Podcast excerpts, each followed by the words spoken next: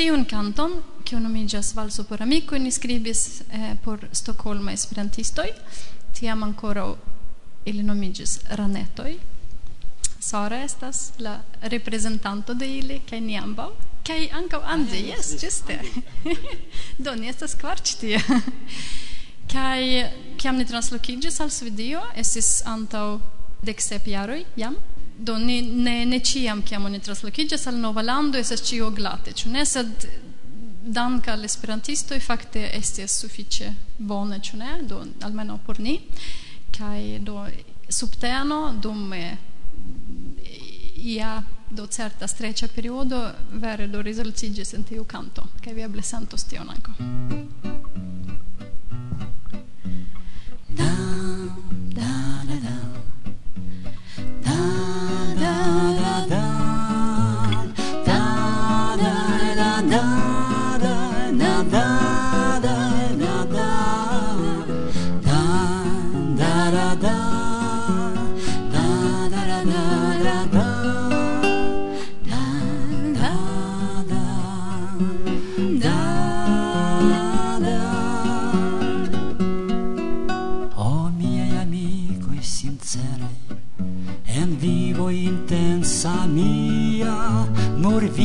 signifacion kaj ĉio alia himero kaj ĉio alia ne gravas kiam iu vespere sentas min sola sur tero nur miaj amikoj min savas. Kiam vivo ne plu estas hela El Moskva ves Stokholmo A pokas min var mai de mia e amico e fidele Cian pos la problema sen cesai Fin fine mi havas feston Amico e apude estos Por festi con mila successos.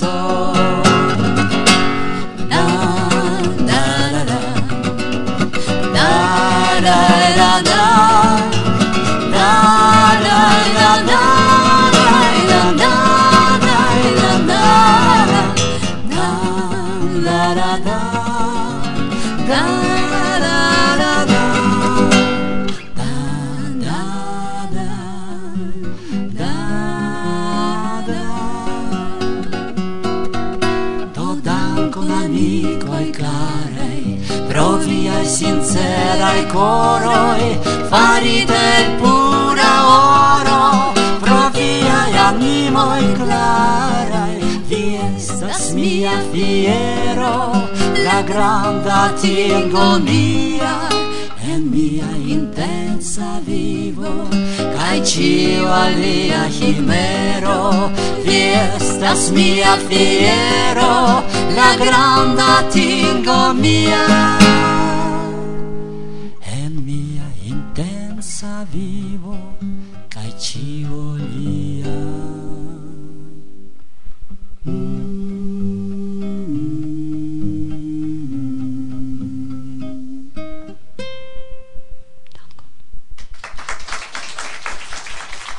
Dankon.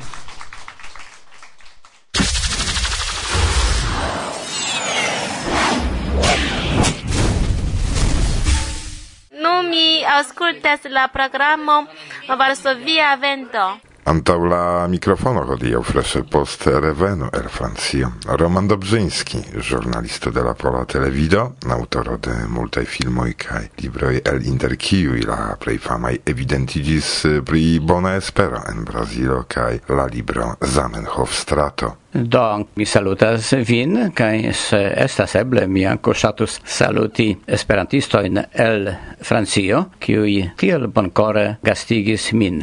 Multe vi vojaĝis, mi scias, sed eh, kial ĉifoje vi elektis ĝuste Francion? Eh, oni invitis min por prelek eh, turneo.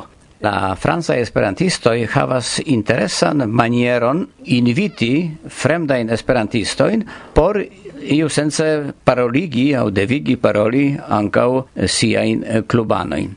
Do eh, la tuta cefa organizanto de tiu torneoi estas Samidano Yves Nicola, kiu loĝas en la urbo Caen en Normandie. Li proponas electas iun personon kiu laŭ lia ideo estas tauga por fari tian turneon Kaj efektive li renkontis min, frontis min dum la Universala Kongreso en Kopenhago, kaj proponis al mi veni por tuta monato prelegi en diversaj kluboj. Kio tiel varbis atenton de la franca esperantistoj, ke ili decidis eĉ inviti vin por prelegi? Do tio esas ancau tre interesa sistemo de francaj esperantistoi. Oni petas oferti diversajn temoin. Mi ofertis eh, kvin temoin, kai kaj tiujn temoin li distribuis inter ciui kluboj esperantistaj en Francio, kai la cluboi electis unu el miei temoi. Exemple, la Cefa temo pro kiu signoro Yves Nicola invitis min estis eh, la pola himno. Dum la Universala Kongreso en Bialistoko li audis mian prelegon pri tiu ĉi temo kaj laŭ lia opinio tio estis ankaŭ interesa por francoj. No, mi citie ne volas rakonti eh, pri pola himno, se vi invitos min alian fojon, mi rakontos pli multe, sed eh, la pola himno estas tre interesa ne nur pro la facto ke ĝi estas bela la melodio, sed ankaŭ ĝi havas tre interesan historion. Do temas pri ducent jaroj de pola historio, kiu situas malantaŭ tiu ĉi frivola mazurko. Sed finfine nur en unu loko mi parolis pri la pola himno, dum aliae temoi plei ofte elektitaj de la cluboi estis eh, Bona Espero.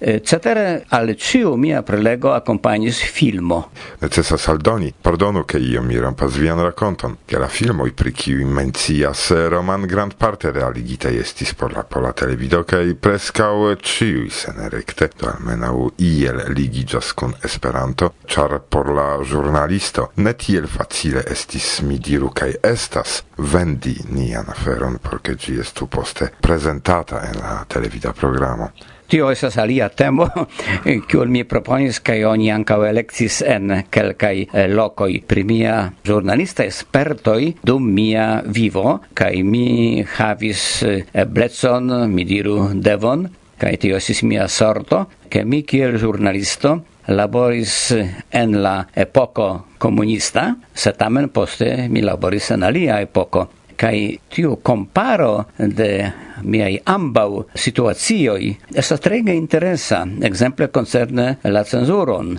Do tio temo si elektita en kelkaj cluboi kai mi fakte eĉ nesis preparita. Mi ne faris iun prelegon verkitan, sed tamen dum parolado anca respondante al la demandoi, mi povis mem consigi al mi kion mi travivis giuste en tiui du epokoi estante profesia giornalisto. Ne?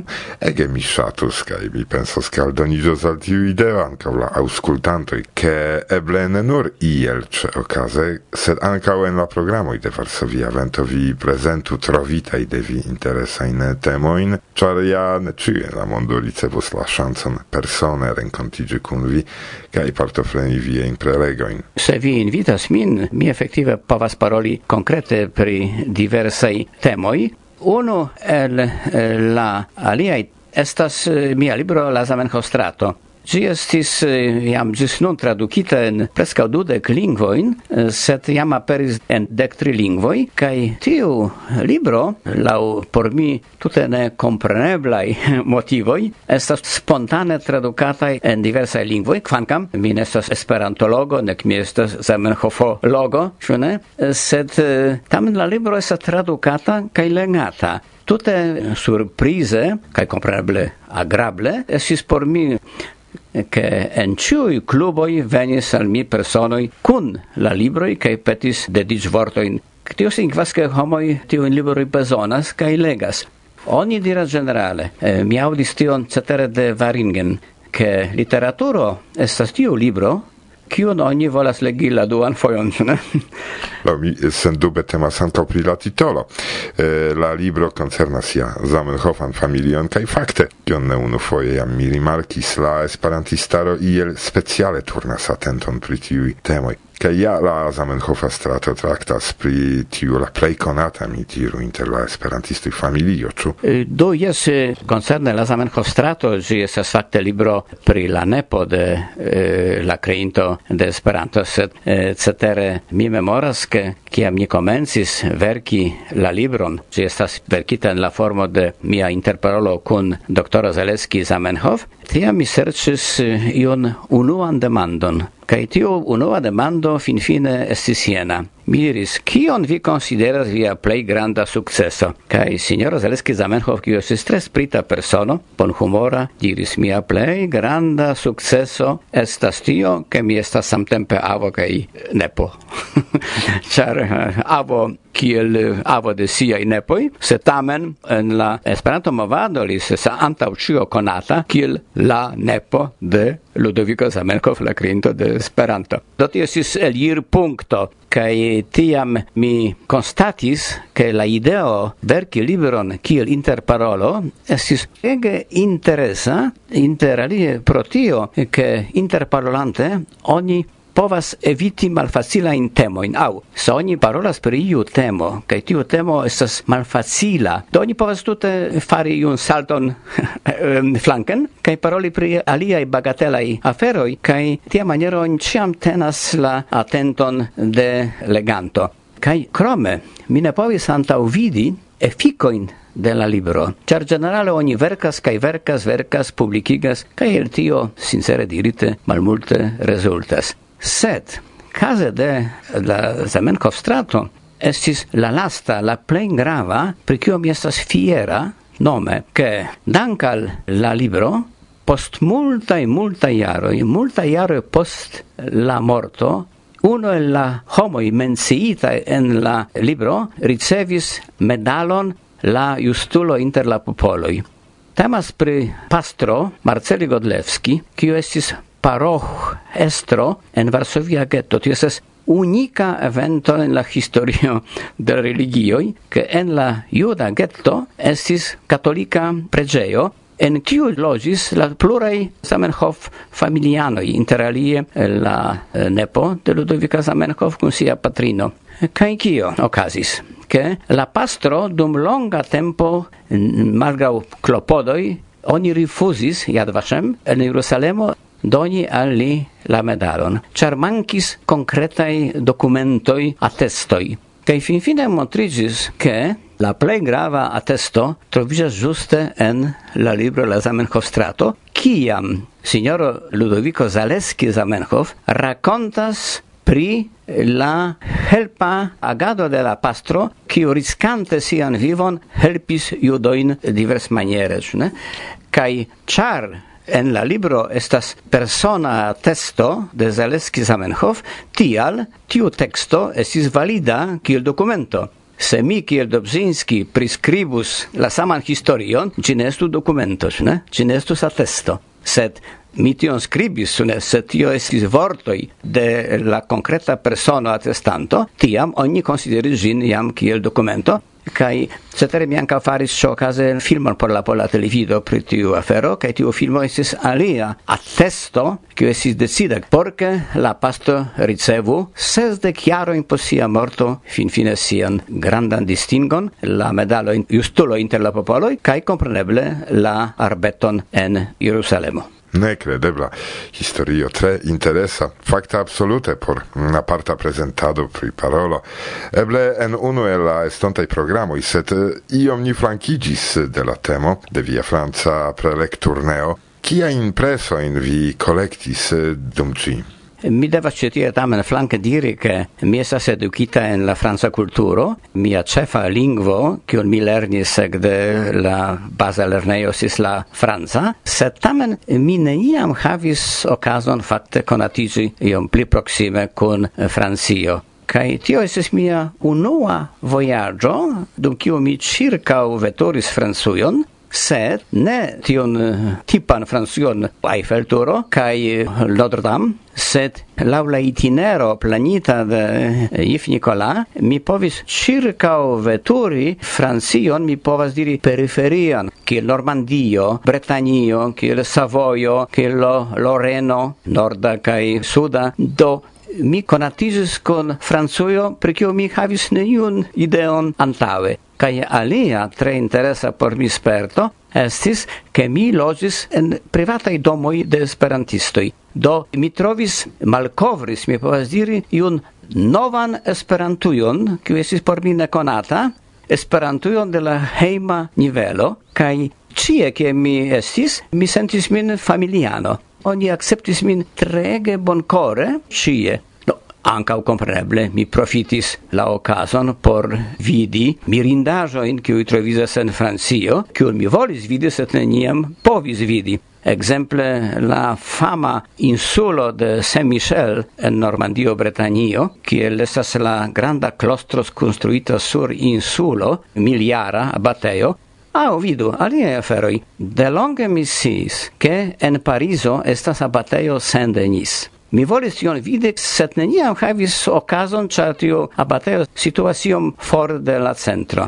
Ci foie, en Parizo mi vidis nenion alion, nur la abateo Saint-Denis, kie okazis la gotika revolucio en la konstruado.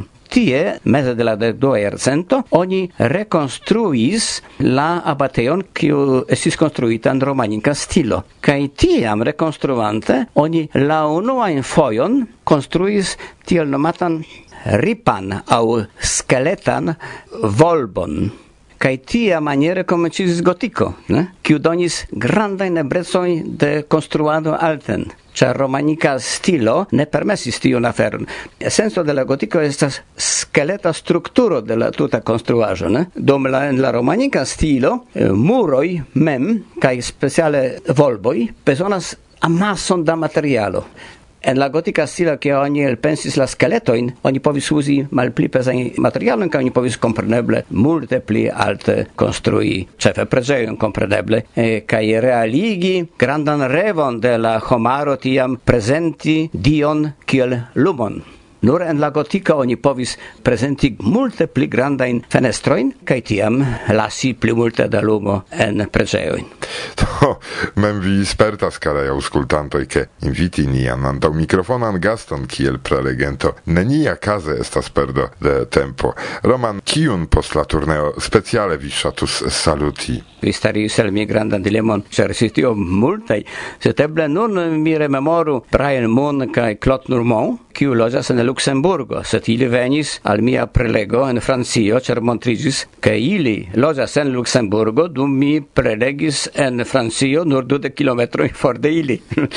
sed poste ili veturigis min al tre interesa loco, kiu nomizas Schengen do tiu simbolo de sen lima Europo Kaj tio estis por mi forta travivaĵo, ĉar mi memoras, ke dum multaj jaroj ni suferis kiel poloj, ke oni ne donis al ni vizojn, ni ne povis veturi, ne povis viziti landojn, ĉar ĉie estis tiuj obstinaj baroj, kiel diris Zamenhof kai nun vidi por mi tiun Schengen kai traktato de Schengen kiu estis subskribita sur la rivero Mozelo en Sipo sed en la punkto kie kuniĝas limoj franca, germana kaj de Beneluxo, fakte Luxemburgo. Ne? Do eh, tio estis eh, iu aparta travivaĵo kaj impreso, kiun eble junaj homoj tute ne komprenas, eh, ĉar la junuloj fakte ne scias kio estas limoj en Eŭropo.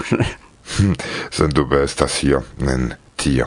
Do la lastaj vortoj? Do jes, do se aŭskultas min esperantisto in Francio, mi volas ankoraŭ foje danki kaj mi postbedaŭri, ke mi nenie havis okazon praktiki mian francan lingvon, ĉar ĉiam mi estis la esperantistoi. Kaj normale oni diras, ke lernu fremdan lingvojn, ĉar por vojaĝojn devas koni la lingvo. Tio ne estas vero. Se vi havas bileton kaj kapablas eh, legi panelo in... oni ne devas koni la lingvon, ĉu oni tute ne bezonas lingvon.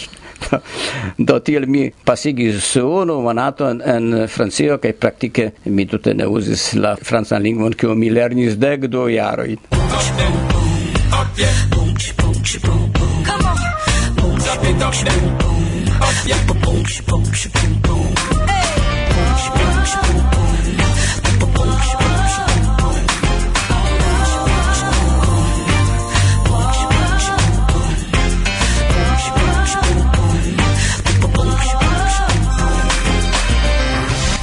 boom, boom. Varsovia vento. La programon krom Irek kun vidis mi mememe. Kaj mi, mamartusia. Memert. Memertusia. Dankon memertusia. Anne dankinde meme meme usiu. O, jak są. Joj. Gis. Kaj kis? Do nun esas unu ege barba canto, kiu nomiĝas telefon. Yes.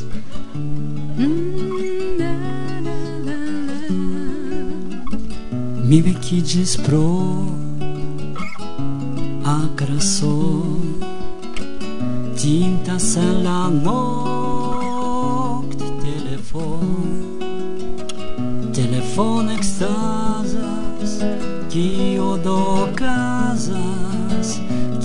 de tintaras din din do.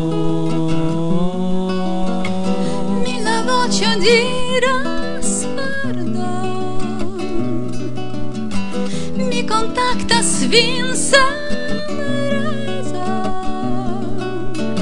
Simple mi enuas No mi rendevuas Kun vi per del telefono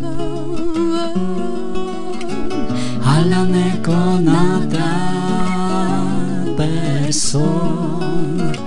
Mi respondas cum la admon la mateno venas ja mi ne comprenas kial mi insistas pri admon se al mi okazas malbon miras al telefon.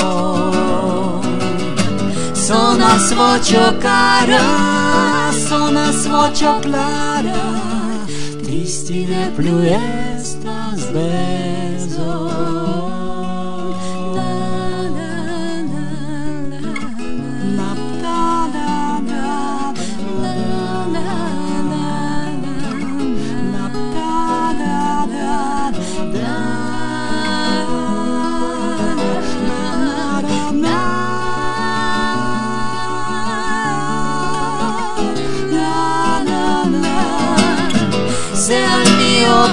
casas malbon Tu miras al telefon Sonas voĉo cara Sonas voĉo clara Tristi ne plu estas bezo Mi vecigis pro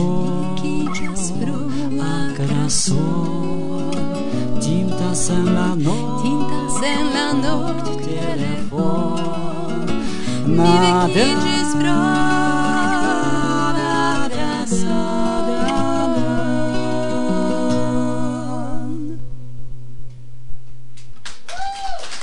Ja. Dankon. Dankon. Dziękuję. Varsovia Vento, bla bla bla.